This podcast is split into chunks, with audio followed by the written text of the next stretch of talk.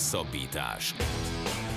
Az Eurosport hetente jelentkező podcastje Farkasvölgyi Gáborral és Rév Dániellel. Sziasztok! Az a Hosszabbítás Podcast 73. adása ezúttal is két fő témával. Az elsőben eh, német Danival, eurosportos kollégánkkal beszéljük meg azt, hogy a BL uh, csoportkör sorsolása hogyan alakult a focistáknál, és persze beszélünk egy kicsit arról is, hogy eh, mi vár a Ferencvárosra az Európa Liga csoportkörében ezen az ősszel. A műsor második részében golfal folytatjuk, Fagával beszéljük át a szezont, amely véget ért vasárnap, még az egy nagyon-nagyon izgalmasan alakuló utolsó nappal. Rory McIlroy nyerte a FedEx kupát, de végignézzük azt, hogy mi volt a szezon során, és hogy a Live Golf, illetve a PGA Tour szembenállása mennyire nyomta rá a bélyegét erre az évre. Aztán persze jön a szokásos Ácsi rovat, Walter Attila jumbós igazolásával kezdjük a híreket, aztán beszélünk arról, hogy micsoda káoszba torkollott a karancslapűtő 60 mérkőzés a Magyar Kupában, beszélünk arról, hogy az NBA draft másodikként kiválasztott játékosa egy bemutató meccsen sérült meg, illetve arról, hogy új motorgyártó érkezik 2026-ban a Forma 1-re, Forma 1-be. Jó szórakozást kívánunk az ELTI podcasthez. Labdarúgás. Kezdünk focival. Német Dani kollégánkat köszöntjük. Szia Dani, köszi szépen, hogy ezúttal is időt szakítasz ránk. Sziasztok, köszönöm a meghívást. Kisorsolták a BL csoportkört, illetve természetesen az Európa Liga és a Konferencia Liga is kisorsolásra került. A 32 csapat, mi nyilván itt most a bajnokok ligájára fogunk koncentrálni, illetve a Ferencvárosnak köszönhetően egy picit az Európa Liga felé is kikacsintunk. Szóval a BL-ben 32 csapat, 8 darab 4-es csoportba kerültek ezek a csapatok beosztásra. Nincs magyar klub a BL mezőnyben, van viszont magyar érdekeltségű klub, ugye a Lipcse, illetve a Chelsea Lőv Zsoltnak köszönhetően. Hát nézzük először a Szoboszai Orbán Gulácsi hármast felsorakoztató Lipcse csoportját. Ácsi, Milán, Salzburg és Dinamo Zágráb. Nem, vagy ez a Chelsea? A... Igen, igen, ez a igen, Chelsea. ez a Chelsea, bocsánat, ez a Chelsea. Ezt csak azért írtam föl, mert hát nem tudom, hogy ki mennyire tudja, de mondhatni, hogy köztudott rólad, hogy te azért elég komoly Ácsi Milán szurkoló vagy, úgyhogy akkor kezdjünk inkább az Ácsi Milánnal. Mit szólsz a csoport, csapatot csoportbeosztásához? Izgulnod kell, vagy azért ez cson nélkül meg lesz? Hát, John nélkül meg lesz, azt nem tudom most megmondani. Egyelőre még nézzük meg, hogy ez sérülések például hogy adnak a csapatokra, meg ezért elég komoly a topligás terhelés, így, hogy hétről hétre akár mondjuk heti két bajnokit is le kell játszani. De eleve korábban kezdődött a bajnokság a világbajnokság miatt. Ez egy eléggé felforgatott szezon, kicsit hasonló lehet, mint a a covidos év, amit nagyon látványosan kettészelt, és be kellett zsúfolni sokkal rövidebb időszakba a, a mérkőzéseket, de az erőviszonyok alapján a Milánnak és a Chelsea-nek tovább kéne jutni ebből a csoportból, nem ebben a sorrendben. Egyébként ez egy érdekes dolog, hogy a Milán volt az első kalapos, mert hogy az első kalapban topligák bajnokai kerülnek, illetve hát a koeficiens alapján a hat legerősebb bajnokságnak a az aktuális bajnok csapata bent van az első kalapban. A Milánnak, a, ha jól tudom, akkor az olasz klubok között, akik ott vannak a BL főtáblán, a legkevesebb koeficiens pontja van egyébként. De ez azért, mert hogy az utóbbi időben nem szerepeltek annyira jól, tehát ez így jön össze, hogy igen, az előző el nemzetközi ligákban? Igen, az előző öt évnek az eredményeit veszik számításba, és akkor ugye nem csak a bajnokok ligája, hanem az Európa Liga is számít, tehát mondjuk ha valaki megnyeri az EL-t, azért elég sok pontot lehet gyűjteni, és a Milánnak elsősorban az Európa Ligából vannak pontjai, de hát ugye abból sem olyan nagyon sok általában. Egy kört mentek az egyenes kieséses szakaszban, de a másodikban, ami legjobb 16 kiestek, volt olyan év, amikor nem is jutottak be, meg tavaly a BL csoportkör mm, utolsó helyén, az egy kicsit erősebb csoport volt, erősebb négyes, de elméletileg papírforma alapján a két topligás klubnak kellene tovább jutni, és azért a Chelsea az kiemelkedik játéktudásban ebből a csoportból. Na és akkor beszéljünk a Lipcséről, ha már ezzel indult a felvezetés. Nem tűnik olyan nagyon vészesnek a csoport, azzal együtt, hogy a Real Madriddal egy csoportba került az RB Leipzig, viszont számomra ebben az egész idei európai kupasorozatban az ukrán csapatok jelentik a legsötétebb lovakat. Hogyan játszik egyáltalán egy Shakhtar Donetsk? Hol milyen játékosokkal, megmaradtak-e a légiósok? Ezernyi kérdésem van velük kapcsolatban. Mire számítasz az ukránoktól? Hát az ukrán klubok azért meggyengültek, itt a Sáktártól is a brazil légiósok egy részét elvitték, érthető módon nem feltétlenül ragaszkodtak ők ahhoz, hogy ott maradjanak, tehát amikor jöttek az ajánlatok más európai kluboktól, akkor azért a legtöbben rábólintottak.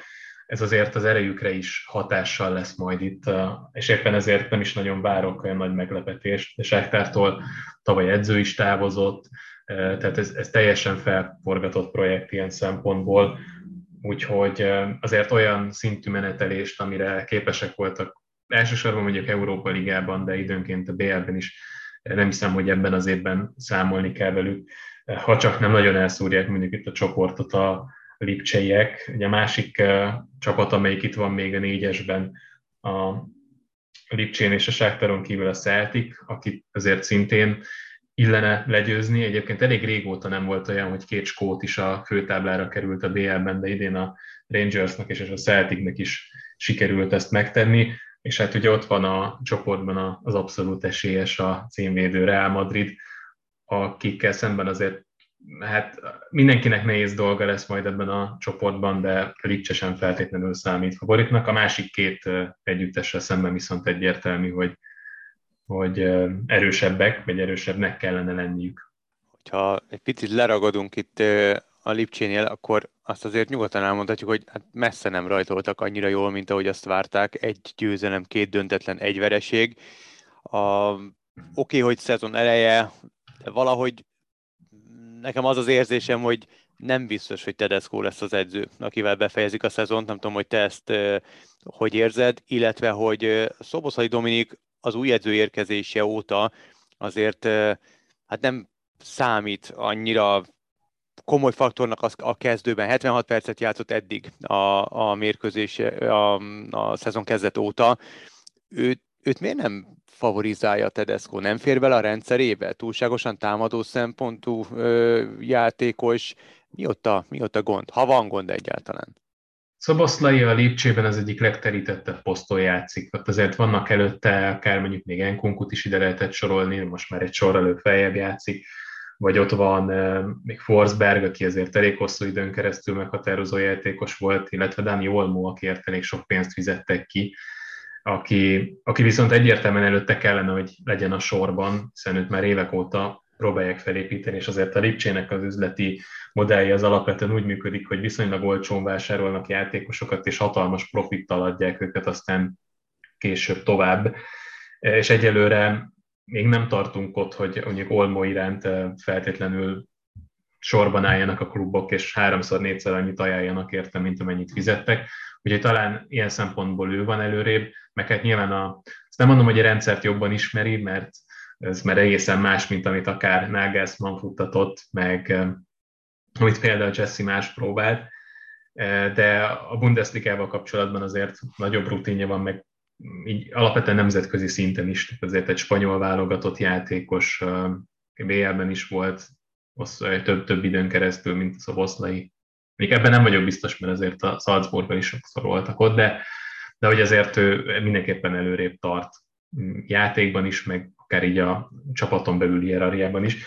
Egyébként nem feltétlenül azért játszott kevés meccset, mert hogy ne lenne meg a bizalom, az egyértelmű, hogy kevésbé van most iránt a bizalom, mint mondjuk a többi eh, posztriválissal szemben, de hogy ott volt az a mérkőzés, ahol kiállították azon, hogy kezdőként lépett pályára, tehát ez jelentősen csökkentette a játékperceit.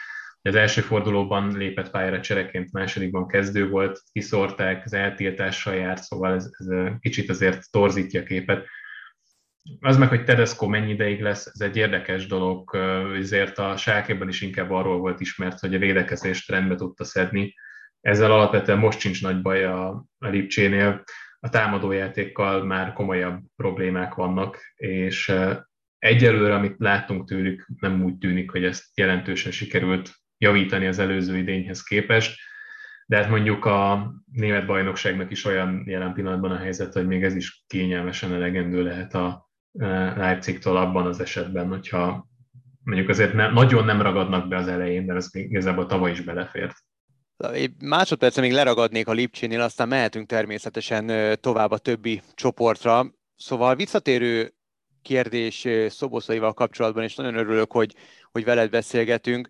Ugye Márko Rossi szövetségi kapitány, ezt sokszor beszéltünk, az Ácsiban is előre, előkerült, szóval Rossi szövetségi kapitány többször említette már a Nápolyt, és a Nápolyba való igazolását Szoboszainak. Igazából mi van e mögött, és mennyire kell ezt komolyan venni? Hát most nem akarok hülyeséget mondani, de valamiért úgy rémlik, hogy hogy Rossi Napoli szurkoló, és lehet, hogy, lehet, hogy ezzel hülyeséget mondtam, és nincs közel. Az biztos, hogyha felmerül egy olasz klub, mint potenciális vevő Szoboszlai kapcsán, akkor azért elég lelkes szokott lenni. Ami egyébként valahol érthető, mert azért, a, hogyha megtanulnám azt a harcpodort, amit az olaszok szeretnek, az valószínűleg közelebb állna az a rendszerhez, amit Rossi futtat a válogatottnál, tehát ebből a szempontból neki valamilyen szinten érdeke fűződik hozzá, ha pedig tényleg Napoli szurkol, akkor több szempontból is, de látva a nyári játékos mozgásokat nem számítok arra, hogy itt most a nápolyak komolyan érdeklődnének iránta, abban sem vagyok biztos, hogy beférne a mostani csapatba, azért egészen jól igazoltak a nápolyak, és egyelőre pont jól néz ki ez a projekt, nem biztos, hogy feltétlenül kell igazolni. Egyébként a támadó poszton meg eléggé terített a Napoli is, úgyhogy az nem lenne egy, egy egyszerű feladat Szaboszlainak, és ilyen szempontból nem lenne előrelépés a csei helyzethez képest a Nápoly csoportja is érdekes, és igazából végignézve itt a, a csoportkör sorsolását, az a kép alakulhatott ki bennünk, hogy egész sok ilyen viszonylag kiegyenlített csoport van. A Nápoly például az ajax a rangers és a Liverpool-lal játszik. Nyilván elvileg a Liverpool innen kiemelkedik, de hát majd meglátjuk, hogy éppen milyen formában vannak. De mondhatnánk akár a Leverkusen, Atletico Madrid, Porto féle csoportot is, amely kiegyenlített. A Frankfurt, a Tottenham, a Sporting és a Marseille egy csoportban. Itt sem mondanám azt, hogy van kiemelkedő csapat, viszont a halálcsoportot azt szerintem nyugodtan a C jelű négyesre ráaggathatjuk már, mint ezt a jelzőt, ahol a Bayern, a Barcelona és az Inter talált egymásra.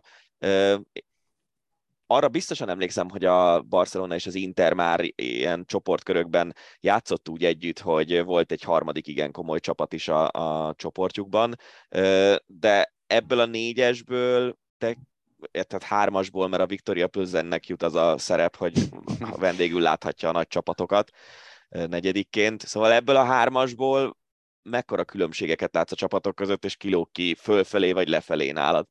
Hát milyen kérdés, na mindegy. Szegény Viktoria Kölzen kapcsán szerintem mindenkinek ugyanaz a mém jutott eszébe, úgyhogy szerintem ezzel el is intézhetjük. Szerintem a hallgatók is tudni fogják, hogy mire gondolok. A Bayern München azért nem csak úgy, úgy emelkedik ki, hogy első kalapos, hanem játékerőben is, tehát azt gondolom, hogy őket kell elsősorban a továbbjutónak írni, és a Barcelona Inter között dőlhet el a továbbjutás. Nehéz ügy ez egyébként, mert ugye a Barcelona nagyon-nagyon sok pénzt költött a nyáron arra, hogy megerősítsék a keretet, és ilyet akkor csinálsz, amikor a, egyértelműen, hát nem tudom, hogy lehet ezt szépen mondani magyarul, egy győztes üzemmódba kapcsol valaki. Tehát, hogy ilyen nagyon szűk idő intervallumot határoznak meg arra, hogy nyerni kell, és igazából ez már erre az idényre is vonatkozik. Ez egyébként részben Lewandowskihoz köthető, azért benne van, hogy ő még két-három évig jó lesz, de az biztos, hogy minden egyes évvel egyre nehezebb lesz vele nyerni.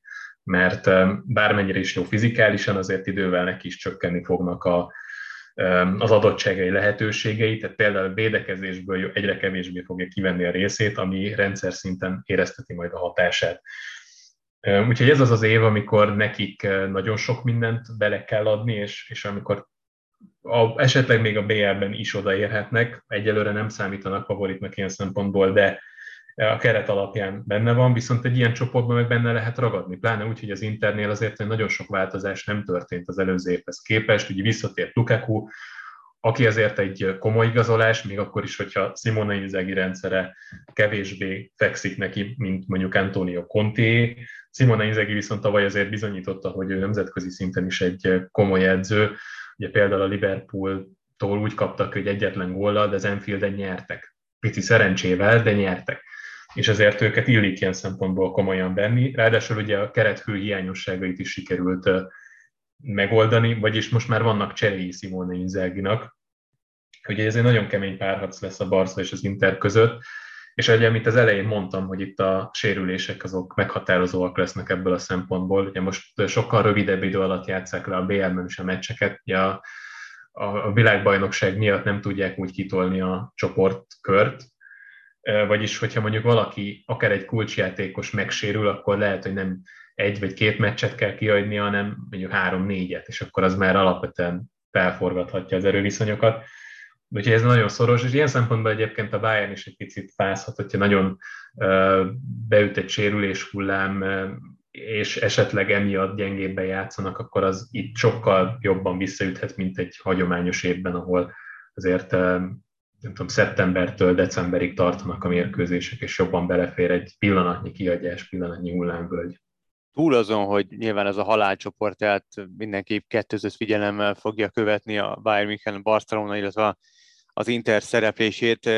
Érdekes lesz, hogy Lewandowski visszatér majd Münchenbe, ahol az utóbbi 8-10 évet eltöltötte, de van még egy nagy visszatérő, ugye Erling Haaland fog visszatérni Dortmundba, mert hogy a city a Manchester City-t meg a Dortmundot egy csoportban osztották, és ha már leragadnánk itt a City-nél, azért most már nem ártana BL-t nyerni a Guardiolának, nem? A Manchester City-vel, mert hogy a bajnoki címek sora az, az már megtelt a polc, és óriási a dominancia a Premier League-ben, de azért tőle egy nagyon komoly elvárás. Tehát ő nem titkoltan azért érkezett Manchesterbe, hogy oké, okay, a bajnoki címek természetesen legyenek továbbra is, de hogy azért azt a nyomorult BL-t azért nyerjük már meg, és ez eddig nem, eddig nem sikerült neki. Nem, hát ez visszatérő kérdés, de egyébként a BL-el kapcsolatban mindig az a helyzet, hogy annyira nagyfokú a véletlennek is a szerepe, és most nem azt mondom, hogy véletlenül lehet BL-t nyerni, csak hogy egy-egy mérkőzésen belül sokkal nagyobb a szerepe, mint egy bajnoki versenyfutásban. Bajnokságban ma 38 mérkőzés, ott, hogyha összejön egy rossz mérkőzés, akkor annak nincs igazából nagy jelentősége, van 37, ahol lehet javítani itt hogy egy rosszabb félidő, de látva ugye a Real Madrid elleni párharcokat elég három rossz perc, és akkor elmegy az egész párharc. És egyébként ezt sokszor láttuk Guardiola csapatoknál, amire azért van magyarázat, vagy lehet magyarázat az, hogy Guardiola tipikusan az az edző, aki nagyon pontosan megtervezzi minden egyes részét a mérkőzéseknek, a játékosok is ezen sablonok, ezen keretek között dolgoznak, és amikor ez működik, akkor nagyon jól működik, akkor nem lehet megállítani őket. Ha viszont éppen valakinek sikerül kirángatni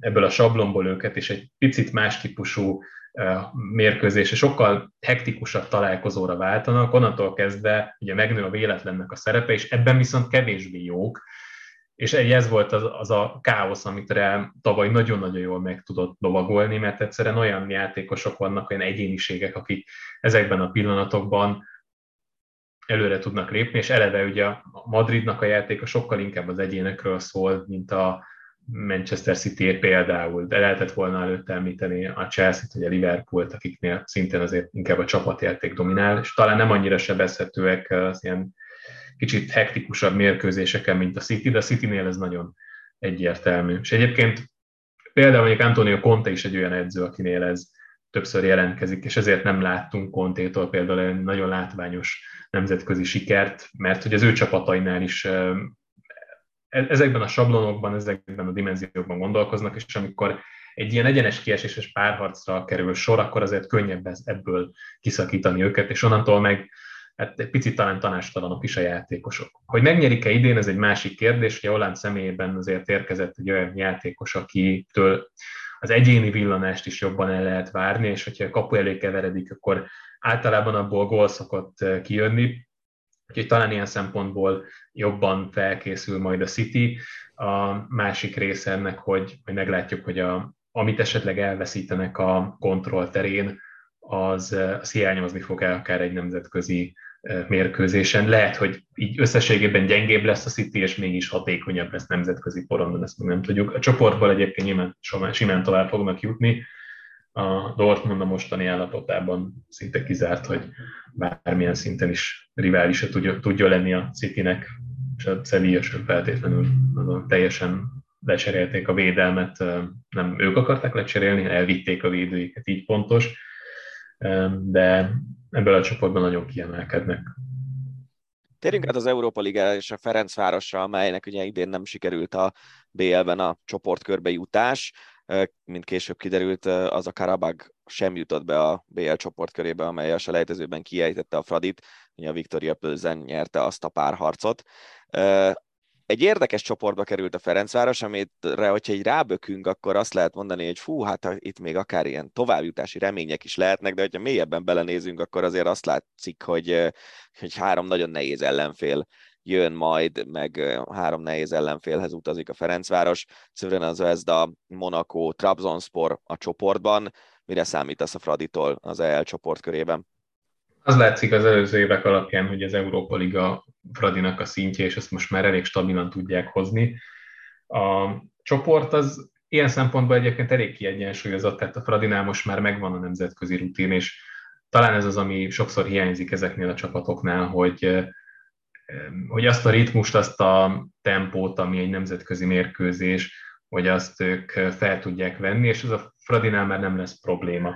És nekem az volt az első benyomásom, hogy ez egy sokkal kiegyensúlyozottabb csoport, mint ami az előző években kerültek. Akkor azért egy-egy topligás ott volt, a, akikkel szemben legfeljebb ilyen időszakos bravúrban lehetett reménykedni, tehát mondjuk egy hazai győzelemben, vagy úgy, hogy még féltávnál még van matematikai esély, de hogy azért valós nincs.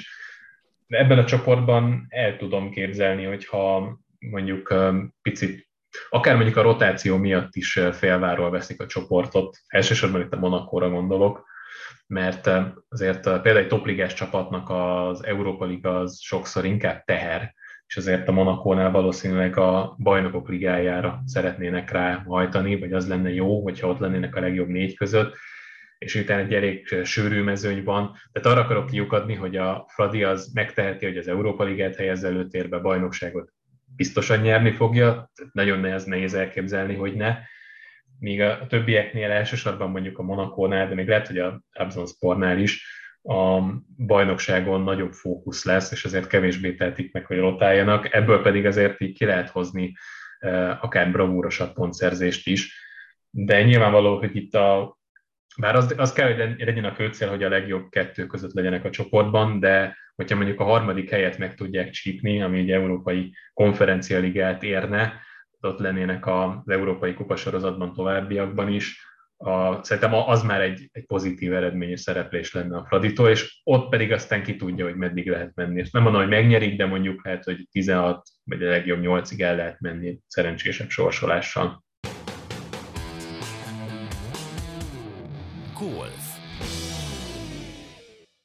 Műsor második részében golfal folytatjuk a hosszabbítást, mert hogy eh, véget ért a golf szezon az elmúlt hétvégén.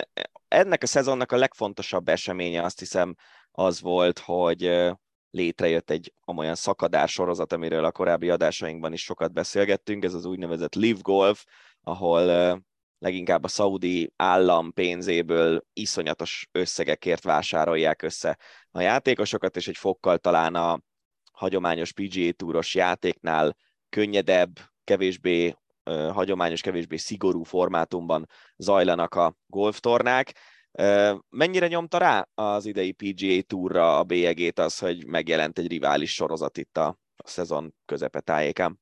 Hát eléggé rányomta a bélyegét, mert azért egy olyan sorozat, és nem feltétlenül csak a golfról beszélünk, ilyenkor, vagy összehasonlítási alapunk azért van, például amikor a fociban kitalálták a szuperligát, szóval azért ez alapjaiban határozza meg a, a hangulatot, és egy másodperc alatt fel tudja kavarni az állóvizet egyrészt, másrészt pedig azért nagy nevű játékosok egész sora tette át a székhelyét a másik sorozatba, és idén President's Cup-ot rendeznek. Ez hasonló, mint a Ryder kupa.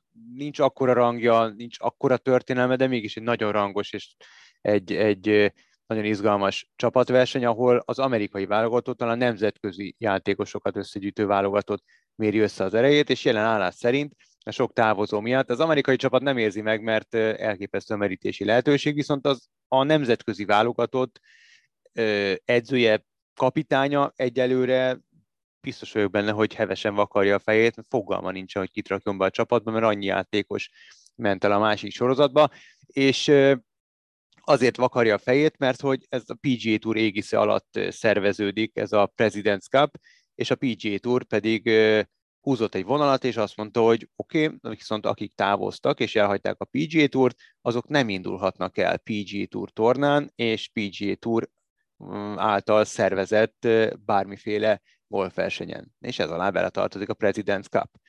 Úgyhogy egyrészt emiatt, másrészt meg nagyon úgy néz ki, bár hivatalos bejelentés még nem érkezett, de mindenki késztényként állítja, hogy a világranglista második Ausztrál Cam Smith, ami, aki egy nagyon közkedvelt karakter a mezőnynek, szintén búcsúzik, és vele együtt azért jó pár nagy nevű és sok győzelmet elért játékos intett búcsút a PGA Tournak. Kicsit ugye furcsa a laikusok számára azt hiszem ez a szembenállás, meg ez a kettősség, mert hogy tényleg egy olyan sportról beszélünk, amiben azért eddig is volt pénz bőven, de ehhez képest is egy másik nagyságrendű pénzt tesz bele a, a szaudi uralkodó családhoz köthető befektetési alap ebbe a Live Golfba. Tudom, hogy te alapvetően azért a PGA Tour meg a hagyományok felé húzol ebben a, az összevetésben, ha egyáltalán annak lehet ezt nevezni, de hogy látod ennek a sorozatnak, a Live Golfnak a jövőjét? Benne van az, hogy, hogy megél egymás mellett a két sorozat akár évtizedeken keresztül is, vagy előbb-utóbb valamelyik lenyomja a másikat, és az lesz az uralkodó sorozata a golfnak? Szerintem meg tud élni egymás mellett, és nyilván elfogult vagyok, mert egyrészt, amit említettél, a tradíciók, meg, meg hát azért, mert az Eurosport azért mégis csak a, a, a golf otthona, és, és a golf otthona pedig a PGA Tour, és sportszakmailag azért teljesen más kínál a PGA Tour, mint a Live Golf, tehát itt azért a tradicionális négy napos tornák vannak, úgynevezett káttal, felezéssel, tehát két nap után megfelezik a mezőny, nincsenek garantált pénzdíjak, mint a Live-nél, van egy megszokott kezdési menetrend, van egy, van egy forgatókönyv a tornáknak, ott a másik oldalon egy picit felgyorsítva a játék menetét, minden szakaszon úgymond úgynevezett shotgun starttal indítják neki a mezőnyt. Teljesen más igazából, attól függetlenül, hogy ott is kell egy ütő, meg kell egy kis labda, és egy picike lyukba próbálják továbbítani a labdát, de de más az, e, az egész hangulata, és még egyszer mondom, sportszakmailag teljesen más. Biztos vagyok benne, hogy meg tud élni a kettő egymás mellett, a, annak ellenére, hogy azért a rivális sorozatnak hazudnánk, ha azt mondanánk, hogy, hogy üzleti modellje van, illetve hogy üzleti alapokon működik, hiszen öntik bele a pénzt nagy kanállal, és irgalmatlan aláírási pénzeket osztogatnak ki, nyilvánvalóan nem térül meg a, a közeljövőben, ha egyáltalán valaha meg fog térülni, míg a másik oldalon egy picit másképp rendezik a, a dolgaikat. Jól lehet, azért felébredtek a PG túron is, és a fenyegetettségtől azért félve alaposan átvariálták a dolgokat, természetesen egy igen komoly összeggel megtámogatva a jövő évi versenysorozatot, különböző kiemelt tornákat hoztak tető alá, és próbálják a legnagyobb nevű játékosokat, illetve a fiatal reménységeket, akire, akikre ugye építeni lehet majd a jövőben, meggyőzni, hogy, hogy maradjanak a túron. A játékosoknak volt egy, egy találkozója a komisszárral, és mindenki hűségeskedett a PGA Tour mellett garantálták, hogy 20 tornán össze, összemérik majd az erejüket, mert ugye a nagy gond az, hogy a legnagyobb nevű játékosok azért mazsoláznak a tornák között, és nem feltétlenül fordul az elő, hogy sokszor összefutnak egymással a legjobbak, tehát ez nem egy bajnokok ligája, viszont azáltal, hogy most kvázi mindenki hűségeskedett és ígéretet tettek, hogy elindulnak egy bizonyos számú tornán, ez, ez 20 viadal, azért ez természetesen változott, Úgyhogy még egyszer mondom, szerintem meg tud élni egymás mellett. Nem hiszem, hogy azok a játékosok, akik szeretnének akiknek fontos az, hogy a sportági örökség, hogy mit hagynak maguk után, azok nem hiszem, hogy átmennek a másik túra, mert egyelőre ott nem lehet világranglistás pontokat kapni, ha meg nem kapsz világranglistás pontokat, nem indulhatsz el a major tornákon, és azért ezek a nagynevű játékosok major torna győzelmekben mérik az, a sikereket, és az örökséget azt az adja, hogy hány ilyen major torna győzelmed van, mint a teniszben a Grand Slam sikerek.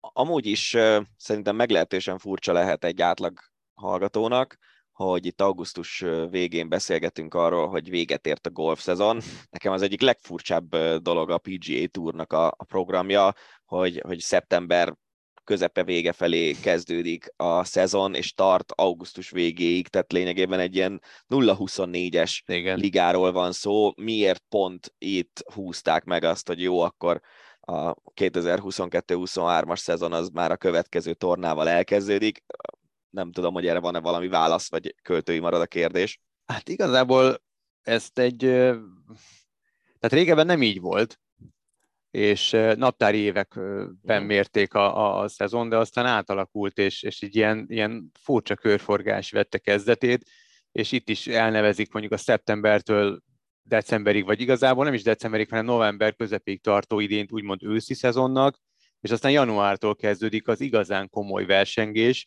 és igazából itt a szeptember és, és november közepe közötti időszakban az igazán nevű játékosok nem is, nem is nagyon indulnak el. Van mhm. egy-két kiemelt torna, most pontosan kettő lesz itt a változtatásoknak köszönhetően, tehát azért októberben már láthatunk komoly mezőnyel erre startoló versenyt, de egész addig, amíg, amíg nem volt ez a Leaf fenyegetettség, és nem voltak itt a variálások, addig az őszi szezonban nem igazán indultak el ezek a nagy nevű játékosok, és ez az alacsonyabban rangsorolt játékosoknak volt jó, mert össze lett tudtak szedni annyi pénzt, illetve annyi pontszámot, hogy egy fokkal azért nyugodtabban várhatták a szezon érdemi részét, és, és kvázi, hát ha nem is hátradőlve, de megtámogatva magukat egy bizonyos pénzösszeggel és pontszámmal, nyugodtan várhatták a, a, az úgymond rájátszási időszakot, hogy ők megalapozták a, a bekerülési esélyüket. Mert azért értelemszerűen, hogyha komoly tornák vannak komoly mezőnnyel, ott az alacsonyabban rangsorolt játékosoknak lényegesen nehezebb a továbbjutás. Világos. Minden esetre az érdekes, hogy az idei versenynaptárban is, mármint hogyha a magunk mögött hagyott szezon nézzük, akkor azt látjuk, hogy kisebb volt a szünet az előző szezon vége és a, a lezárult szezon eleje között, mint az a november végétől január elejéig tartó nagyjából másfél hónapos leállás. Hogyha ránézzünk a fontosabb tornák eredményeire, akkor azt láthatjuk, hogy Cameron Smith, akit említettél, meg tudta nyerni a Players Championship-et, amit ugye sokan az ötödik major tornaként tartanak számon, és meg tudta nyerni az Open Championship-et Skóciában a nagyon nagy hagyományú St. Andrews pályán, ami pedig a négy major torna egyike ez az ő nagy szezonja volt? Hát igen, és eséllyel pályázott arra is, hogy az idén záró FedEx sorozat rájátszásában is győzön, de aztán sérült volt, meg szerintem ez a livre való költözés azért az állandó kérdések, amelyekkel valahogy kellett áll, vagy amelyekkel szemben kellett állni a sarat, ez szerintem azért eléggé belemászott a fejében, és ez is rányomta a bélyegét a, a játékára. Szóval igen, az ő nagy szezonja volt, elképesztő formában játszott, és hát nagyon régóta nem sikerült ez, sőt, igazából a golf történelemben egy azon szezonban csak a nagy Jack Nicklaus tudta megnyerni a Players-t, meg az Open-t, egy egészen elképesztő karakter, egy hihetetlen nyugalmat sugárzó karakter, és megmondom őszintén, nem sok játékost hiányolok, akik átmentek a liftúra, ő, ha átmegy, már pedig én szerintem ő átmegy, akkor én őt nagyon fogom hiányolni, pont ezért a, a karakter miatt. Képzelj el egy ilyen tipikus ausztrál szőke srácot, aki egy ilyen a 80-as években ilyen Bundesliga sérült, sérót növesztett magának, halál nyugis, elképesztő dumája van, nagyon vicces, éppen ezért meglepő, mert, mert nem egy igazi, tudod, ez a, a, tehát messze nem egy igazi nem is azt mondom, hogy igazi, hanem a, a golfos sztereotípjának mhm. megfelelő karakter. Tehát nem érdekli, vagy legalábbis eddig azt, azt kommunikált, hogy nem érdekli a pénz, ő golfozni akar, meg pecázni, mert ez a lényeg, hogy össze tudja pakolni a szünideje alatt a pickupját, és a, a barátnével Floridába elmenjenek pecázni a, a, a jacht, vagy nem is jachtjukra, hanem a motoros csónakjukkal, és ennyi. Hát ehhez képest óriási pálfordulás, hogy állítólag több mint 100 millió dollárért írt alá a szaudiakhoz. Hát elég jó motorcsónakot tud benni belőle, Hát, vagy igen, lehet fel lehet- lehet, is. Fel lehet turbozni ezt a peca felszerelést, ez biztos. Igen. Nagyon eh, izgalmasan alakult itt a szezon vége. Ugye itt eh, nagyjából úgy néz ki a szezon, mert mégiscsak amerikai sportokról beszélünk, hogy megy rengeteg torna folyamatosan, és aztán a végén van három kiemelt eh, playoff torna, tehát a rájátszás ezeken a tornákon zajlik, és itt dől el az, hogy kinyeri magát a FedEx Kupa pontversenyt a szezon végén. Ez mennyire fontos a golfban? Hát azért nagyon fontos egyrészt presztízs, másrészt aki megnyeri a rájátszást és megnyeri ezt az egész FedEx kupát, az kap egy 18 millió dolláros bónuszt. Tehát csak azért, mert megnyered azt, a, a, azt az utolsó tornát, jár egy 18 millió dolláros bónusz az év végén a korábbi nyereményeid hez még plusz. Tehát Rory McIlroy, aki megnyerte most az utolsó tornát, ez nagyon érdekesen van felépítve ez a playoff, mondjuk a golfban ez eléggé furcsa, de hát csak megszokták már 2007 óta zajlik, szóval ez úgy történik, hogy az első 125 játékos folytathatja a rájátszásban, utána ez az első torna után három tornából áll a rájátszás, az első torna után 70 játékosra fogy a mezőny, az utolsó viadalra pedig 30-an vághattak már csak neki, és akkor van egy ilyen, úgymond, mondjuk úgy nevezzük úgy, egy handicapes rendszer, aki az első helyen kvalifikálja magát az utolsó tornára, az mínusz 10-ről kezd, aki másodikként az mínusz 8-ról kezd, és így sorba, tehát rangsorolják a játékosokat, és Scotty Scheffler a világ első, aki idén Masters nyert, meg egy csomó mindent, négy tornát nyert, és mind a négyet ebben a szezonban.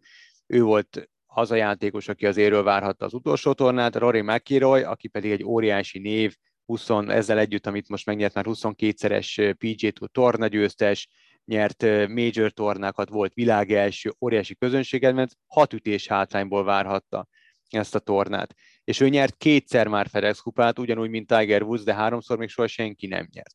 Tehát, hogy ez is egy, egy, egy célja volt, hogy valamiben, nagyon kevés dologban lehet túlszárnyalni a golfban Tiger Woodsot, ez az egyik, és ezt most Rory McIlroy megtette, illetve a 9,5 millió dolláros idénybeli keresetéhez még hozzá csapta ezt a 18 millió dollárt. És félreértés ne essék, nyilván óriási összeg, amit nyertek, fel sem fogható szerintem magyar szemüvegen keresztül. Ezek a játékosok, most annélkül túl misztifikálnám őket, de, de itt az tényleg a, a, a, a sportági örökségükért is játszottak. Tehát Scheffler egy olyan bravúrt állíthatott volna be, amit a 20-as évek, 1920-as évek óta nem látott a világ, hogy egy idényen belül nyerje meg az öt torna győzelmét, illetve elsőt, vagy pályafutási elsőt torna győzelmét. Tehát, hogy rekordok sokaságát írhatják általában át szezonok során a játékosok. Hát most Rory McIlroynak sikerült. Furcsa nekem nagyon ez a lebonyolítás, őszintén szólva, mert nyilván a, a, a major tornák azok kicsit ilyen különálló entitások, ott, ott megszokott az, hogy igenis azt a tornát az nyeri, aki éppen ott a legjobban játszik. Sok sportákban van így, hogy vannak kiemelt tornák, amiken a győzelem önmagában is nagyon sokat ér, lehet, hogy még többet is, mint mondjuk egy ilyen évvégi bajnoki cím, amit itt Rory McIlroy begyűjtött. De az, hogy az utolsó tornán lehet, megnyerheted mondjuk az összes tornát az egész szezonban, és hogyha az utolsó tornán rosszul játszol, akkor nem te vagy a szezon végén a FedEx Kupa győztese, ez nem furcsa? De Vagy az... az amerikai sportokból kiindulva, ahol mondjuk a bajnoki döntőbe, ha eljutsz veretlenül, és ott kikapsz, akkor ugyanúgy csak második, vagy ez lehet, hogy, lehet, hogy végül is ebbe a sémába illeszkedik. Hát ez is igaz, meg nagyon sokat faragtak ezen is. Tehát itt, uh, itt a, volt, ha jól emlékszem, 2018-ban Justin Rose, aki ugye miután visszakerült a golf az olimpiára, az első olimpiát megnyerte Rióban, ő úgy nyert FedEx kupát, hogy egy árva viadalt nem nyert a rájátszás során.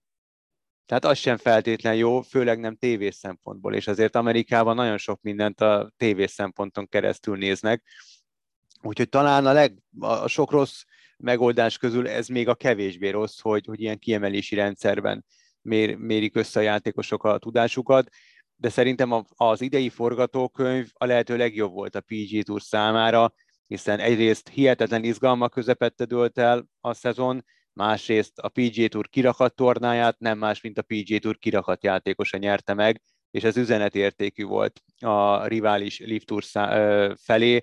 Nagyon akarta ezt szerintem igazából mindenki, aki a PGA Touron dolgozott, vagy dolgozik. A játékosok közül nem hiszem, hogy mindenki így akarta, de Rory McIlroynak ez, ez szerintem pályafutás egyik legnagyobb győzelme. Volt egy elég szimpatikus jelenet, hogy tulajdonképpen elnézést kért a végül második Scotty igen, Scheffler igen. családjától, hogy elrontotta az ünnepüket, hiszen Scheffler volt a szezon egyik kiemelkedő alakja. És ha már kiemelkedő alakok, mit gondolsz, ki, ki nevezhető, hogyha ilyen MVP díjat osztunk, uh-huh. tehát a legértékesebb játékos díjat kiosztjuk, akkor kinek adnád ezt itt az idei PGA túron? Tök érdekes, itt szombaton ben volt nálam a közvetítés során Király Levente gólszakértő, és volt már korábban a, a műsorunk vendége is, és ő azt mondta, hogy ő Rory McIlroynak adná úgy, hogy nem is, még akkor bőven nem volt biztos, hogy megnyeri az évad utolsó tornáját, mert Rory McIlroy zárta a legalacsonyabb ütésszámmal az egész szezont. És, és igazából ezzel nincs túl sok minden, amit meg kéne magyarázni, mert a golfot szkorra játszák, ha ővi a legalacsonyabb szkor, tehát ő, ő játsza a legalacsonyabb ütésszámmal vég a, a szezont, akkor valóban ő a legjobb játékos, annak ellenére, hogy nem ő nyerte a legrangosabb tornákat, és a legra, legtöbb tornát sem. Azért három verseny csak nyert, ezzel az utolsóval együtt, de én azt gondolom, hogy ha címekben nézzük, akkor, akkor Scotty Schefflernek kell kapnia ezt a, az év játékosának járó díjat, mert Masters nyert, ami talán a legnagyobb, bár ezen is lehet vitatkozni, talán a legnagyobb verseny, a, nyert egy World Golf Championship égisz alá tartozó viadalt, megnyerte a legnépszerűbb versenyt a szezon során, ez a Phoenix, ahol oda sörök, sörös dobozokat dobálgatják. Igen. Tehát, és ezen kívül volt még rengeteg top 10-es, top 5-ös helyezése, csak a versenyen el, megszerzett pénzdíjai ütik a 14 millió dollár, tehát elég nehéz ezt úgy elvenni, de akkor ott van az Ausztrál, Cam Smith, aki Players-nek open nyer, de miután ő elmegy a Lift Tour-ra, én nem hinném, hogy neki odaadják ezt a díjat, már csak azért sem. Búcsú szóval, Igen. Szóval nehéz, nehéz választani, örülök, hogy, hogy nem nekem kell, nem, nem lesz könnyű szerintem megválasztani az évjátékosát. Ki lett ennek a szezonnak az új felfedezetje, aki mondjuk eddig nem nagyon került képbe, de idén olyan eredményei voltak, ami alapján most már a, a legjobbak közé sorolják. Hát ez is érdekes, mert van a Will Zalatoris nevezetű fiatalember, aki tavaly volt újonc, és robbant be a köztudatba, de nem nyert tornát, és tehát elképesztő eredmény sorra rendelkezett. Idén folytatta a szuper teljesítményét, és végre tornát is nyert, ráadásul FedEx rájátszás tornát, úgyhogy én szerintem talán ő az, illetve az év újonca Cam Young, Cameron Young, aki, aki, jól emlékszem, 7 vagy 8 top 10-es helyezést ért el a szezon során, és hát legalább négy második helye volt, de három biztos. Ráadásul ő az Open-en volt második többek között, tényleg ő is kvázi rárukta az ajtót a PGA túra, tehát a két fiatal közül az egyik. Olyan érdekes, hogy mindketten a Wake Forest Egyetemről jönnek, úgyhogy eléggé, eléggé komoly programmal rendelkeznek oda át ezen az egyetemen golfprogrammal. Igen, ez egy érdekes dolog mindig az egyetemi sport és a profi sport közötti kapcsolat. Kit gondolsz a szezon legnagyobb csalódásának a PGA túron? És lehet, hogy provokatív a kérdés, de de Tiger Woods-ot egyáltalán szóba lehet hozni ebben a, ebben a kontextusban? Nem, nem, abszolút nem. Az autóbalesete után csoda, hogy járni tud, csoda, hogy, hogy megmaradt mind a két lába, ahhoz képest, hogy milyen baleseten ment keresztül, hogy szinte össze kellett legózni a lábát, ahhoz képest elindult egy pár tornán, soha többet nem játjuk már annyi tornán elindulni, mint korábban 2019-ben volt ez az óriási Masters győzelme, én, én nagyon csodálkoznék, hogy ő valaha még tornát nyerne, nem hogy majort, tehát ő az, az csoda, hogy egyáltalán pályára tud lépni, és, és még ezen a szinten, ebben a mezőnyben el tud indulni, és van olyan torna, ahol megcsinálja a katot. Hát a nagy csalódás számomra azok a játékosok, nagy nevű játékosok, akik elmentek a Lift Tourra, mert hát hogy fogalmazzak szépen, oda csináltak, ahonnan korábban enni kaptak, és utána még nagyon keményen be is perelték a PGA Tour, tehát hogy el akartak menni, mert keveset akarnak játszani, ellenben sok pénzt akarnak keresni, és amikor elmentek, és kiderült, hogy nem jöhetnek vissza, akkor ráadásul vissza akartak jönni, szemezgetni, mazsolázni a tornák között, hogy itt ott ahogy elindulhassanak. Tehát ez, nem tudom, nekem ez nagyon, nagyon visszatetsző, és, és, és nagyon álszent, úgyhogy én nem emelnék ki egy játékost, mert mindenkinek más az indoka, tehát vannak olyan játékosok, Cameron Tringali például, remélem, még beleférünk az időbe, egy olyan játékos, aki a PGA Tour történetében a legtöbb pénzt kereste annélkül, hogy valaha nyert volna a PGA Tour tornát, nagyon szimpatikus játékos. Ő írt egy nagyon szívhez szóló búcsúzenetet, hogy mennyi mindent köszönt a PGA Tournak, de ő máshol és máshogy akarja folytatni a pályafutását. Szíve joga, ez tök jó, és ebből a szempontból tök jó, hogy van egy ilyen másik sorozat, és ott elindulhat és nyerhet pénzt, és remélhetőleg meg fogja szerezni a, a hőnállított első tornagyőzelmet. Viszont azok a játékosok, mint lásd, nem tudom, Phil Mickelson például, vagy, vagy Ian Poulter, vagy Lee Westwood, akik nagy nevű játékosok, és még mondhatnék párat, uh, Patrick Reed például, egy, egy egy nagyon furcsa személyiség, de egy, egy szem, szenzációs játékos, nagyon nagy tudású játékos. Tehát ők elmentek a nagy pénz reményében, de azért szerettek volna itt indulgatni, és ezen azon a tornán elindulni, nyilván, amelyek hasonlóan nagy pénzt osztogatnak szét a mezőny, mező, illetve a játékosok között. Aztán amikor a PGA Tour azt mondta, hogy hát srácok, ez nem így működik, ha elmentek, akkor nem jöhettek vissza, akkor még komoly pert akasztottak a PGA Tour nyakába, majd 2024-ben indul ez a per, tehát azt a sorozatot perelték be, és, és azt annak húzogatják a, a bajszát, amelyik kvázi megcsinálta őket. Tehát innentől kezdve ez nekem nem annyira szimpatikus, de ez nagyon szubjektív, de miután a véleményet kérdezted, számomra ők azok, akik az év csalódását jelentik. Egy, egy gyors kérdés, gyors válasz. Szerinted még 2023-ra is ez a Live PGA szembenállás nyomja rá a bélyegét? Hát szerintem elég keményen. Ácsi hét legérdekesebb hírei. Folytassuk az Ácsi rovattal, összegyűjtöttük ezúttal is a mögöttünk álló hét legérdekesebb, általunk legérdekesebbnek vélt híreit. Ez most nem lesz egy olyan végtelenül hosszú, mint az elmúlt hetekben, lehet, hogy ennek sokan örülnek. Vágjunk is bele. Hát szerintem itt a, a legnagyobb hír, ami nem is a mögöttünk hagyott héten került napvilágra, hanem a mai napon, ugye, amikor rögzítjük ezt a podcastet, akkor hétfőt írunk. Szóval, hogy Walter Attila bejelentette imáron hivatalosan is, hogy a Jumbo Visma csapatánál folytatja pályafutását. Hazudnánk, hogyha azt mondanánk, hogy nem sejtettük, vagy sőt a Bringa kommentátoraink tudták ezt a, ezt a hírt, de hát azért nyilván egy hír akkor hír itt a sportban, amikor azt hivatalosan is bejelentik mit kell ez a hírhez hozzáfűzni? Mekkora dolog ez? Egyrészt Walter Attila pályafutásában, másrészt magyar viszonylatban. Tehát, hogyha mindenféleképpen hasonlítani akarjuk ezt a bejelentést valamihez, és olyan emberekkel szeretnénk megértetni, akik a kerékpár világában annyira nem mozognak otthonosan, akkor ez mi lehet mondjuk, nem tudom, Szoboszai Dominikot leigazolja Bayern München például? Tehát kvázi ilyen? Hát annál egy jobb csapat azért a Jumbo. Hát de egyébként igen, nagyjából. Tehát ez, hmm. ez, ez nagyjából így néz ki. Uh, annyi különbséggel, hogy a magyar fociba beletett pénznek a töredéke, amit hmm. a magyar kerékpársportban van. Hát ebbe a témába most annyira nem akarok belemenni. De igen, a, a Jumbo most a legjobb csapat, tehát lehet, hogy tényleg most, hogyha félreteszik az érzelmeidet, akkor a, meg az enyémet is, akkor a Real Madrid vagy a Manchester City vagy a Liverpool szintje ez. Az egy másik kérdés, hogy a, a, a foci egy kicsit másképp működik abból a szempontból, hogy ott mondjuk 25 fős a keret, és a 24. játékos is valószínűleg egy elég jó kis focista. A, a Jumbo-nál mondjuk 30 fős a keret, vagy 28 fős a keret, és nyilván nagyon jó kerékpáros a 28.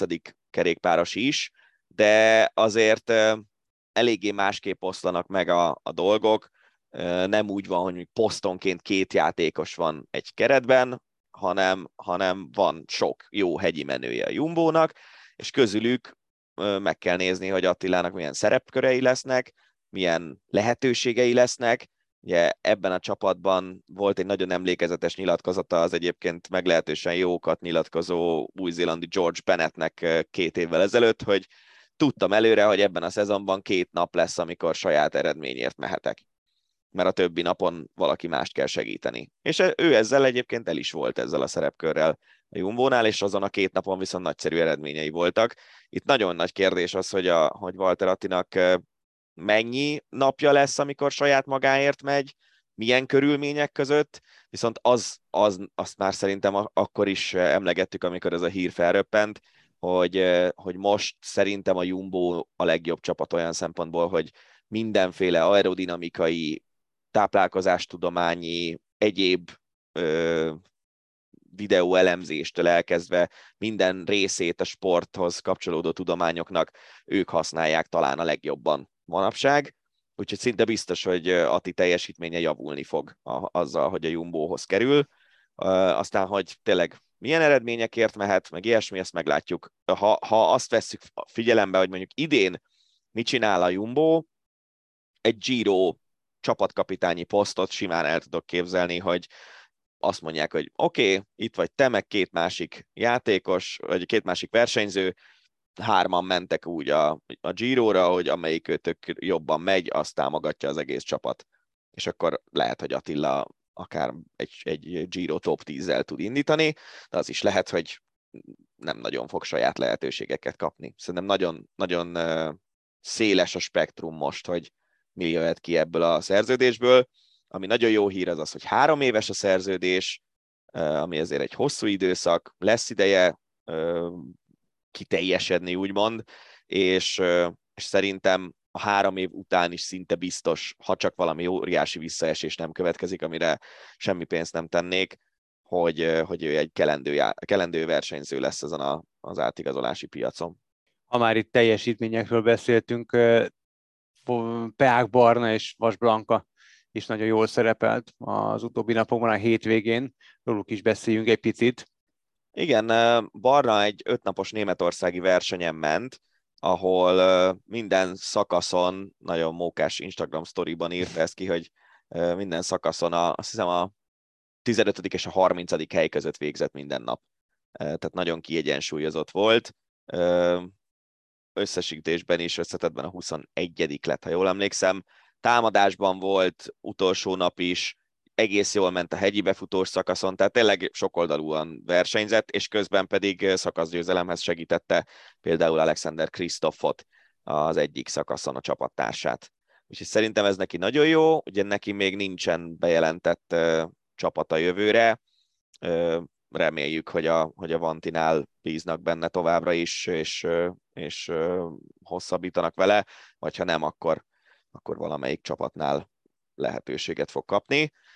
Ami meg ugye Vasblankát illeti, ő a hétvégén a ö, Brötányi női World Tour versenyen versenyzett, és nagyon-nagyon jól ment, bekerült egy ilyen erősek szökésébe, ahol tényleg nagyon jó versenyzők voltak rajta kívül is, végül ott nyolcadik lett, kicsit furcsán alakult a végjáték, egy kétfős csoport el tudott tőlük szakadni az utolsó kilométeren, és aztán szerintem Blanka már eléggé el volt készülve az erejével, mert a sprintje sem sikerült igazán jól, de ez az eddigi legjobb egynapos eredménye ilyen World Tour versenyen. A, a tavalyi VB negyedik hely az egy másik kategóriájú verseny, úgyhogy tök jó, hogy végre kijött a versenyzéséből egy, egy igazán jó eredmény.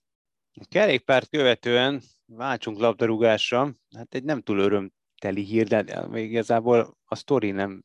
Egy régi történet hallgatóink közül biztos rengetegen emlékeznek Emiliano Szalára, illetve az ő történetére. Most már három éve, hogy elhunyt repülőgép szerencsétlenséget követően. 17 millió euróért vásárolt meg a Cardiff a Nanttól, és hát a tragédiát követően, a tragédia árnyékában a két csapat hatalmas vitába és pereskedésbe kezdett egymással, tehát a bíróság döntött, a NANT nem felelős az ügynökök által szervezett utazásért, ugye innen-onnan repült volna át a, a csatornán, és amikor lezuhant a repülőgép, és így nem kap, így kárpotlást nem kap a Velszi csapat, tehát a Cardiff, sőt fizetnie kell a Nantnak a teljes vételárat és a bírósági és ügyvédi költségeket is. Hát ez nagyon nagy pech, de igazából mindkét felet megérted, nem? Tehát a Nant eladta a játékost, igazából onnantól kezdve, hogy kilépett az ajtón szinte, ő, ő, ő, már, már nem a Nant játékosa volt, sajnos a Cardiff fajtaján meg nem tudott soha belépni, szegény, de nem tudom, tehát hogy én itt tényleg értem itt a klubokat, és egyébként meg nem, nem, nem tudom, hogy egyáltalán volt-e ilyen korábban, vagy ez egy precedens értékű ítélet lesz. Hát én sem, mert az egész annyira ilyen, ilyen tudom, rangon aluli, vagy, vagy az egész... Hát de figyelj, azért ezeknél a story. csapatoknál 17 millió euró az nem olyan kevés nem, pénz. Persze, tehát... persze, csak valahogy nekem az van, hogy, hogy már az emléke előtt szerintem azzal tisztelegnének, hogy, és most no, tudom, hogy nagyon naív vagyok, és nem így működik az üzleti világ, tehát nem vagyok teljesen hülye, de hogy én ezt az egészet hagytam volna. Miről vitatkozunk most komolyan? Kiről? Hát szerencsétlen pont ez meghalt. 17 millió euróról. Nem, nem, nem róla vitatkoznak, hanem arról a helyzetről, amiben vannak a csapatok. Persze, ez megint egy ilyen jogi húzavona. Szerződtettünk egy játékost, átutaltuk a vételárat, a játékos soha nem játszott nálunk egy percet sem. A Nant részéről megfordítva Szóval persze, én értem persze. ezt az egész pereskedést, meg, meg minden, annak ellenére, hogy persze ez egy nagyon kellemetlen sztori, és főleg mondjuk Szalá családját, ha belegondolsz, hogy állandóan ezt így van. hallgatni, de, de lehet, hogy most innentől kezdve e, ez a per lement, és hogyha lesz ilyen valaha még, ami remélhetőleg tényleg megint nem lesz mondjuk még száz évig a foci történetében hasonló sztori, akkor már nem kell pereskedni, hanem itt lesz ez az eset, hogy amikor Szalá meghalt, akkor is ki kellett fizetni a vételárat, úgyhogy nem tudom. Mondom, én, én megértem a, a két csapatot, mert mind a ketten elég rossz helyzetbe kerültek ezáltal, annak ellenére, hogy persze az ő veszteségeik nem hasonlíthatók mondjuk a családéhoz. Persze, persze. Hát egy szomorú téma után egy, egy fokkal vidámabb, bárki tudja, félbeszakadt a karancslapújtő és a 60 mérkőzése a MOL Magyar Kupa második fordulójában az MV3-as 60 már fél óra után 3-0-ra vezetett, tehát a gondok nem itt kezdődtek, hanem ott ugye a 34. percben a bíró két mezőnyjátékos és egy kapust, a kapust is kiállította, majd a második félidőben még egy játékos is pirosat kapott, hát a karancsapúcői közösség egy picit paprikás hangulatba került, és a játékvezetői hármas nem érezte magát biztonságban, úgyhogy lefújták a meccset, aztán tovább álltak. Én fociztam hát, a Blast 4-ben, és ott azért voltak elég kemény hangulatú mérkőzések, sőt, volt olyan is, hogy az egyik csapattársam, egy testvérpár volt, és az idősebbik az egy nagyon kemény figura volt. Ő, miután lerúgták az öccsét, szó szerint összeverte azt a csávót, aki, aki a szabálytalanságot elkövette, és azt csak álltunk és néztünk, hogy most elvileg mi fotizni jöttünk, úgyhogy Figyelj, én, a, én is játszottam a Blast 4-ben, én úgy kerültem először pályára, hogy a, az egyik játékosunknak nem tetszett valami ítélet, és ilyen minősítetetlen módon szítta a bírót, és a bíró oda jött a kispatasz, hogy figyeljetek, cseréljétek le, mert különben kénytelen vagyok kiállítani. és, és akkor így, így én lettem a cserejátékos, aki fölment a pályára körülbelül a tizedik perc környékén. Ja, hát igen, ilyen sztorikat azért hall az ember, meg én játszottam kézi meccset is ö, szerb határ közeli kis faluban, úgyhogy a, a betonos szabadtéri pályán ott úgy állt pár ember a nézőtéren, hogy ilyen esernyőket dugdostak be a kerítésen belülre, meg ilyenek, hogy akadályozzanak minket, meg volt olyan, aki vasvillával jelent meg, úgyhogy azért ott volt, volt ilyen cidrizés. De ja, hát ez azt mondom, hogy ez hozzátartozik, csak vicces, hogy a Magyar Kupában is vannak ilyen meccsek. Ja, mennyei, megyei, ugye.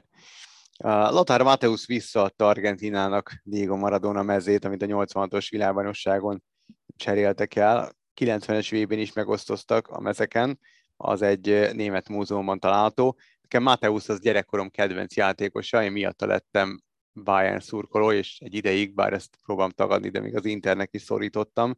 Tehát amikor 90-ben megláttam a VB-n, én úgy, úgy kezdtem a 90-es VB-t, hogy abszolút holland drukkerként, mert hát abban a időszakban a, a velem egykorú gyerekek megőrültek Van Bastenért, Hulitért, meg Rijkaard, tehát a nagy holland hármasért.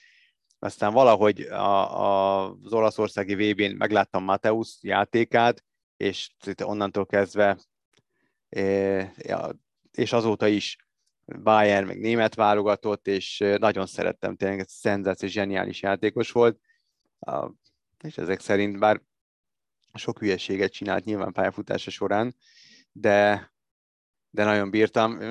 Nagyon nagy lelkű ez, hogy visszaadta a mezt, illetve a másikat meg odaadta egy német múzeumnak. Én tuti nem adtam volna se vissza, se a múzeumnak, hanem otthon őriztem volna bekeretezve. Hát. Ilyenek akkor szoktak történni, hogyha mondjuk Mateusz meghal, és a, a felesége felajánlja a mezt ilyen jótékony célokra, vagy ilyesmi, akkor szokott ez előfordulni, hogy így gazdát vált. De igen, hát egyébként ez egy szép sztori. És egy, amúgy az a vicces, hogy ezeknél a focistáknál milyen szintű gyűjtemény jöhet össze. Mondjuk egy ilyen, egy Mateusz szintű focistának hány világsztártól van mondjuk aláírt meze, és ja. milyen élmény lehet egy foci rajongónak végignézni csak őket. Szóval ezek jó. jó Igen, dolgok. ezeket a relikviákat. Hát ha esetleg egyszer megszorul, akkor ezeket, és pénzét teszi, akkor biztos, hogy elég komoly bevételre lehet szert tenni. Hát egyrészt ez szerintem lehet, hogy itt a tényleg a, egy ilyen foci múzeumot, ha alapítasz. Ja, persze. Az persze. is sokat ér. Igen, igen, ezek nagyon nagy dolgok lehetnek. A, van ez a Sports Bible, amit én követek közösségi oldalakon, és nyilván van, amikor egy picit vagy túlőnek a célon, vagy, vagy abszolút kamu a sztori, amit, amit hírul adnak, de nagyon érdekes történetről számoltak be. Megvan az alapdaszerdő gyerek, akit Ére Hazard rúgott meg a, még korábban Chelsea játékosként, mert nem adta neki vissza a labdát? Hát bevallom őszintén, hogy nincs, de, de most olvasva ezt a sztorit jó, jó pofa történet ez is. Na igen, hogy, hogy hát az túlzás, hogy követték az életútját, de kiderítették, hogy azért ő ott egy, jó nem hiszem, az egyik befektetőnek volt, nyilván egy tehetős embernek a gyermeke, és labdaszedő volt, utána egy, egy elképesztő követőtábort épített ki a közösségi oldalakon, Twitter, Instagram, stb.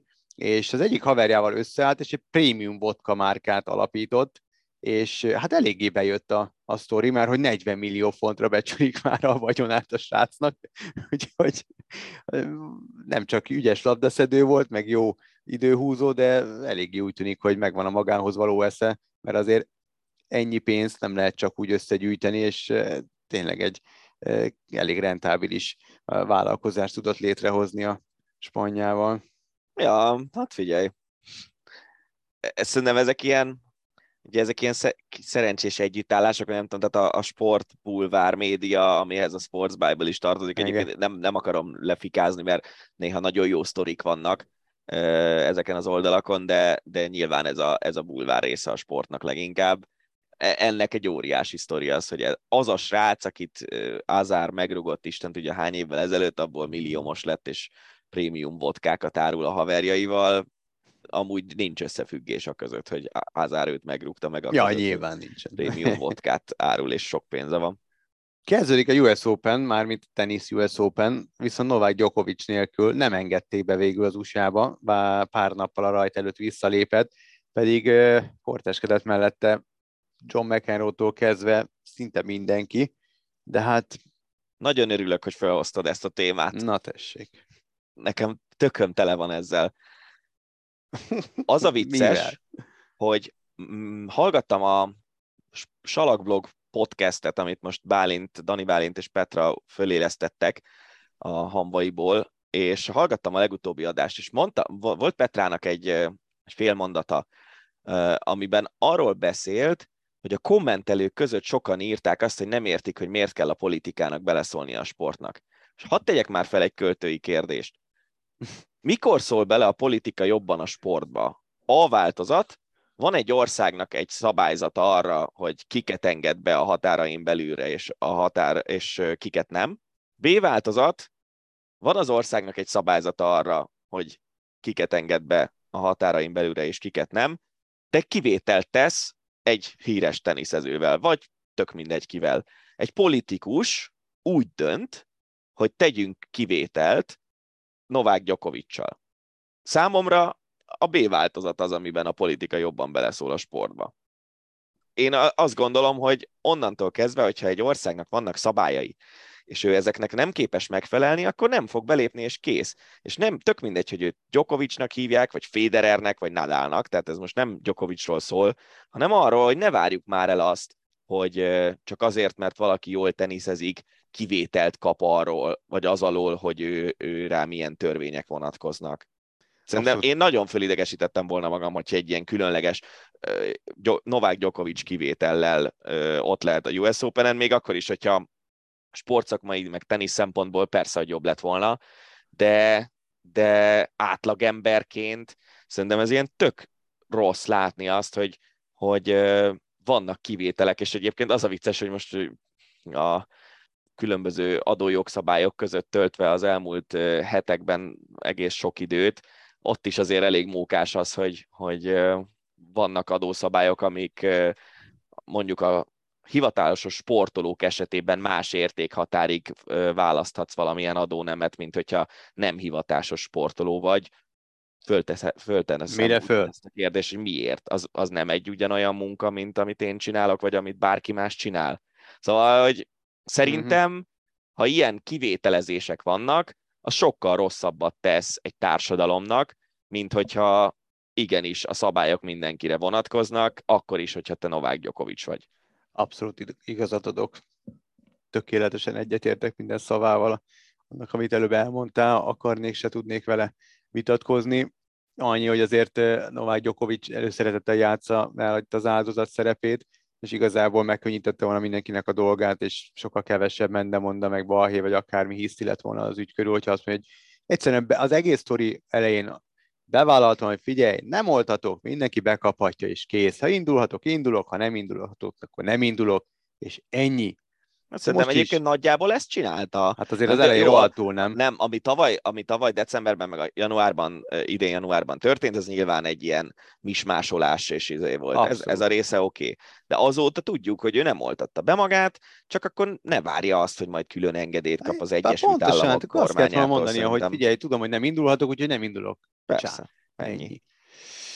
Több mint tíz ország jelentkezett a 2036-os olimpia megrendezésére. Szemezgessünk egy picit, vannak vicces országok. Mexikó, Indonézia, India, Nagy-Britannia, Katár, Spanyolország, Oroszország, Törökország, Szaudarábia és Egyiptom. Kinek adnád, ha választatnál? Nem úgy volt, hogy mi kapjuk ezt az olimpiát? Csak úgy kérdezem.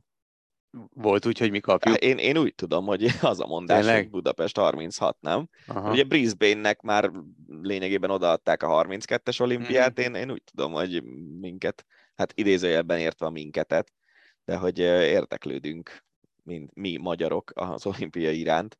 A, amit felsoroltál, abból azért egy kép mindenképpen kirajzolódik, ez pedig az, hogy az arab világnak most már illene olimpiát rendeznie nem ez a kép? Hát hány a fele az országoknak az arab világból jön, nem? Hát ha ez, ha ez hát az egy dolog, hogy ők jelentkeznek, de hogy illene olimpiát rendezniük, tehát hogy ez nem tudom, hogy ez illik, hát, vagy nem illik, vagy oda kell adni, vagy nem kell odaadni, vagy... Hát attól vagy... függ, honnan nézed a dolgot, mert most, hogyha végignézed azt, hogy az olimpiai sportágakban egyébként milyen fölényben vannak a nyugati civilizáció országai szinte mindenben, akkor akkor, akkor indokolatlan arról beszélni, hogy akkor legyen mondjuk itt egy Kajróban egy olimpia. Viszont, hogyha a föld lakosság számát nézed, uh-huh. akkor azért talán ez a legnagyobb olyan, hát ilyen, nem lehet azt mondani, hogy egybefüggő ö, közösség, mert azért a, az arab világon belül igen-igen nagy különbségek volt, vannak. Én gyerekkoromban egy pár évet Líbiában éltem, és azért amit a szüleim meséltek, az, az a, a, abból az a kép rajzolódott ki az én fejemben, hogy, hogy itt nagyon nagy különbségek vannak országok meg országok között.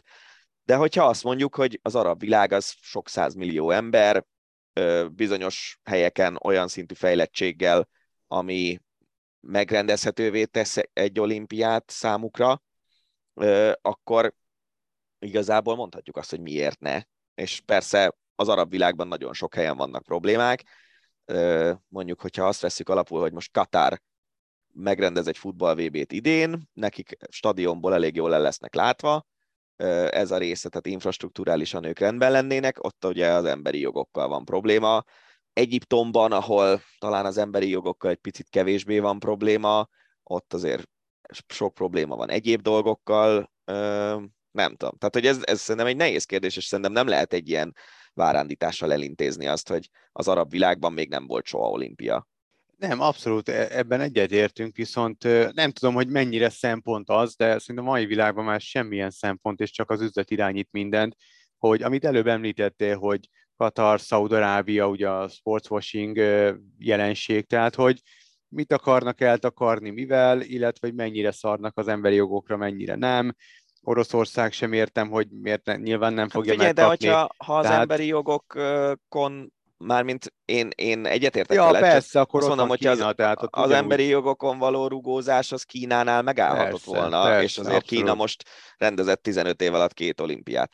Így van, a téli olimpiát megkapták az oroszok, tehát abszolút ezért mondom, hogy nem tudom, nyilván azért kényelmi akkor... szempontból én tartanám vár, vár, azért, azért a 2007-ben, amikor ö, Oroszország megkapta a, Szocsi olimpiát, akkor azért még nagyon más volt szerintem a leányzó fekvése, mint most. Tehát, Persze, uh, abszolút, abszolút. Még, meg, meg, meg egyáltalán, hogyha persze. nem lett volna most a háború, tehát mondjuk 2007 és 2021 között is nagyon más volt Oroszországgal kapcsolatban szerintem a leányzó fekvése. Hát nem volt ennyire diszponálva az egész, de hát azért ott, tehát ugyanaz az ember irányította az országot. Hát igen, csak azért a, egy kicsit az eszközökkel.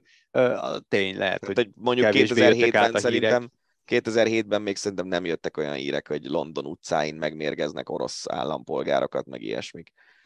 De lehet, hogy rosszul emlékszem csak. Na mindegy, szóval én azt mondom, hogy, hogy az, az sem működik, hogy, hogy mondjuk a, a, a nyugati civilizáció, mondjuk az emberiségnek teszem azt a, a hatodát fedi le, vagy az ötödét, vagy ilyesmi, és akkor csak ezek az országok rendeznek. Nyilván nem, persze, hogy nem. Tehát, hogy nem, ezért mondom, az, nem az tudom, milyen szempontok az olimpia az nem hülyeség teljesen.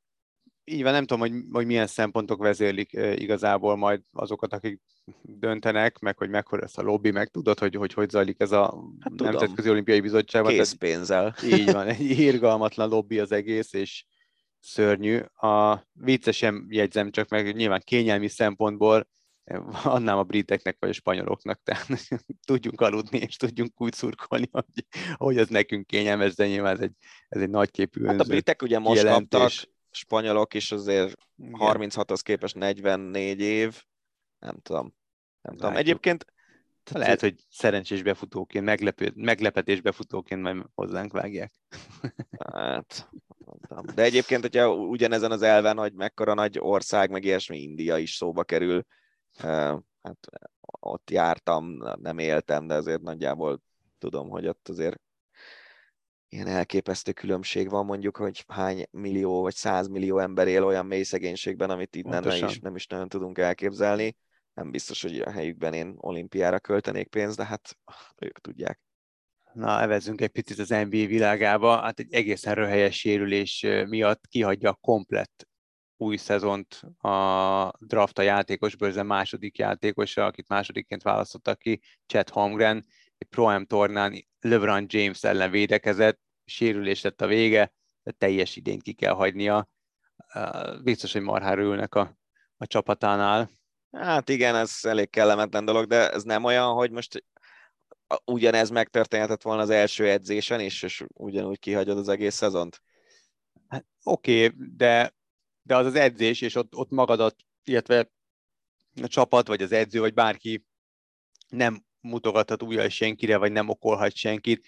Ez egy ilyen felkészülési brahi meccs volt, tehát hogy nem tudom, bo- hát, Jó. Ez, ez butaság, tehát nem, nem biztos, hogy, hogy nem tudom, hogy, hogy mennyivel mennyi, tehát hogy rábólintanak-e az ilyen, nyilván rá kell bólintaniuk a csapatoknak, a vezetőknek arra, hogy a játékosuk elindul egy, vagy részt vesz egy ilyen tornán, egy ilyen versenyen, a, nem biztos, hogy én engedélyezném. Tehát uh, nyilván előfordulhat ez egy edzésen, de azért egy edzésen sokkal jobban vigyázol a csapattársadra, mint egy, egy bármilyen pro tornán, ahol, ahol azért a bizonyítási vágy, a bármi dominálhat, érted? Ez a fiatal gyerek, hú, Világos, észlelt, hogy LeBron James ellen védekezett, na majd én megmutatom, aztán rosszul érkezett, nem tudom, mi történt, lehet, hogy abszolút nem így volt, csak hogy benne van a pakliban ez a történet, és, és hát én biztos, hogy marha dühös lennék Biztos, a, a hogy nagyon dühösek a csapatvezetői, ez nem kérdés, de én igazából régen nagyon azon, a, azon az állásponton voltam, amint te,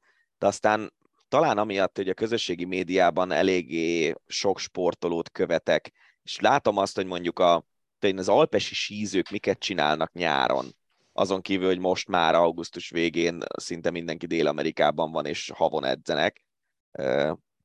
De hogy tehát e- ezeknek a sportolóknak szerintem szüksége van arra, hogy a, a profi pályafutással járó edzések, meg meccsek, vagy versenyek, vagy akármik mellett is kikapcsolódjanak, és ö, hát mit tudom én, például volt nyáron egy ilyen sztori, a Instagramon megjelent, hogy Walter Atti ugrál egy valamilyen ilyen, gondolom dubstep koncerten, mert azt szereti ő hallgatni, Aha. és hogyha most ott véletlenül rosszul érkezik le, és kitöri a bokáját, akkor mondhatjuk azt, hogy micsoda felelőtlen hülyeség elmenni profi sportolóként ugrálni egy dubstep koncertet, de közben meg valamivel ki kell kapcsolódni Persze, ezeknek a sportolóknak, Abszolút. és, és nyilván azért szerintem gondolom, hogy Chet Holmgren is igyekezett vigyázni magára, hogy ne törje össze magát, nem Hát sikerült. nyilván nem direkt csinálta, persze. Persze. Szóval én, én nem, én mondom, régen abszolút az, azon a vonalon voltam, hogy, hogy hogy lehet ilyen felelőtlen egy sportoló, hogy összetöri magát valamilyen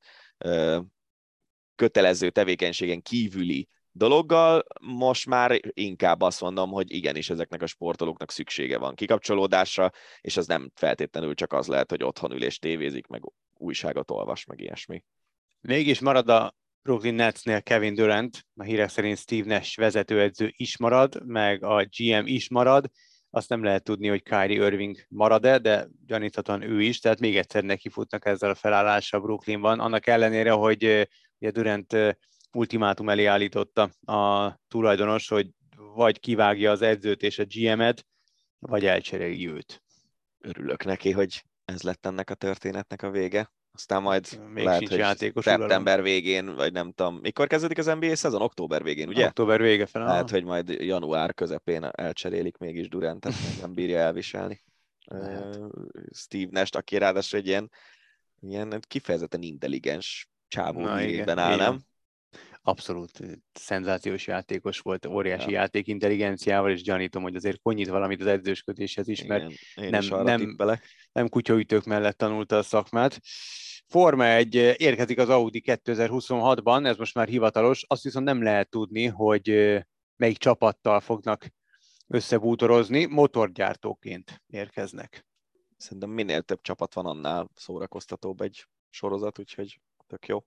Távozik Daniel Ricciardo a McLaren-től, nem igazából sikersztoriként vonul majd be a Forma 1 történelem könyveibe ez a, ez a házasság, attól függet, hogy Olaszországban azért arattak egy igen komoly sikert. Én nagyon szeretem Ricciardot, egy, egy rettentő jó karakter, nagyon, nagyon népszerű a szurkolók körében is, a versenyzők körében is, ugye itat mindenkit a cipőjéből, ami rémgusztustalan, de vicces, és túl azon, hogy tök tehetséges versenyző, valóban nem jött neki be ez a McLarenes időszak, kíváncsi vagyok, hogy hol fogja folytatni.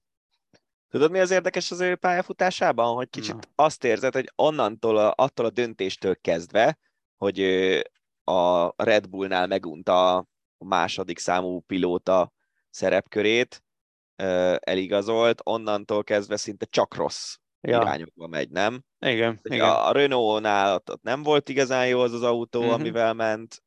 A McLarennél most jó, de valahogy a csapat meg ő nem tudnak összeérni. Igen. És most ugye szó van arról, hogy esetleg visszatérne az a most már Alpin néven menő Renaulthoz, de az is lehet, hogy nem lesz széke. Még ugye még a ház kapcsán is szóba került Ricardo. Ja.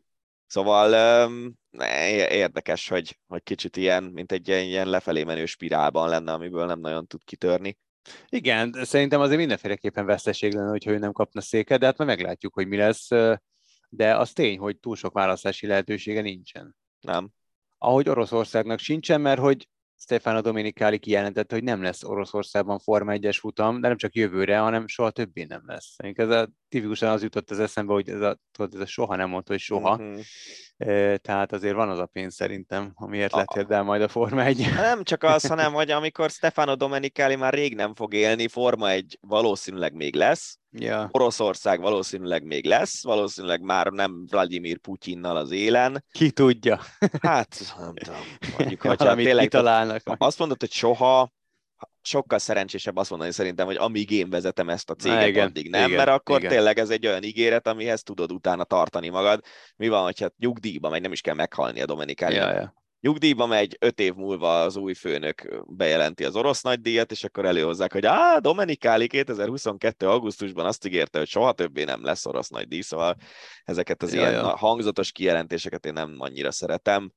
De ettől függetlenül egyébként meg az irányjal egyetértek, hogy amíg ez a, ez a ez az ember, mert igazából itt nem is pártról, vagy, vagy valami társaságról beszélünk, hanem egy emberről, amíg ő vezeti Oroszországot, addig ne is legyen ott Forma 1-es futam. Hát, túl azon, hogy baromi unalmas volt a pálya, nagyon utáltam azt a pályát.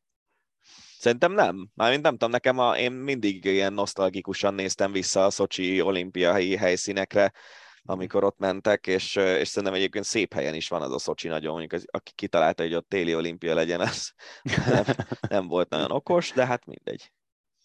Na és végül pedig eh, Tyson Fury, aki mostanság uralja a sportmédiát, szóval állítólag mégis folytatja a hét elején pontosabban, egészen pontosan hét napot, tehát ultimátumot adott a szervezőknek, hogy hozzá tető alá az Anthony Joshua-t másodszor is legyőző ukrán Uszik elleni csúcsmeccset.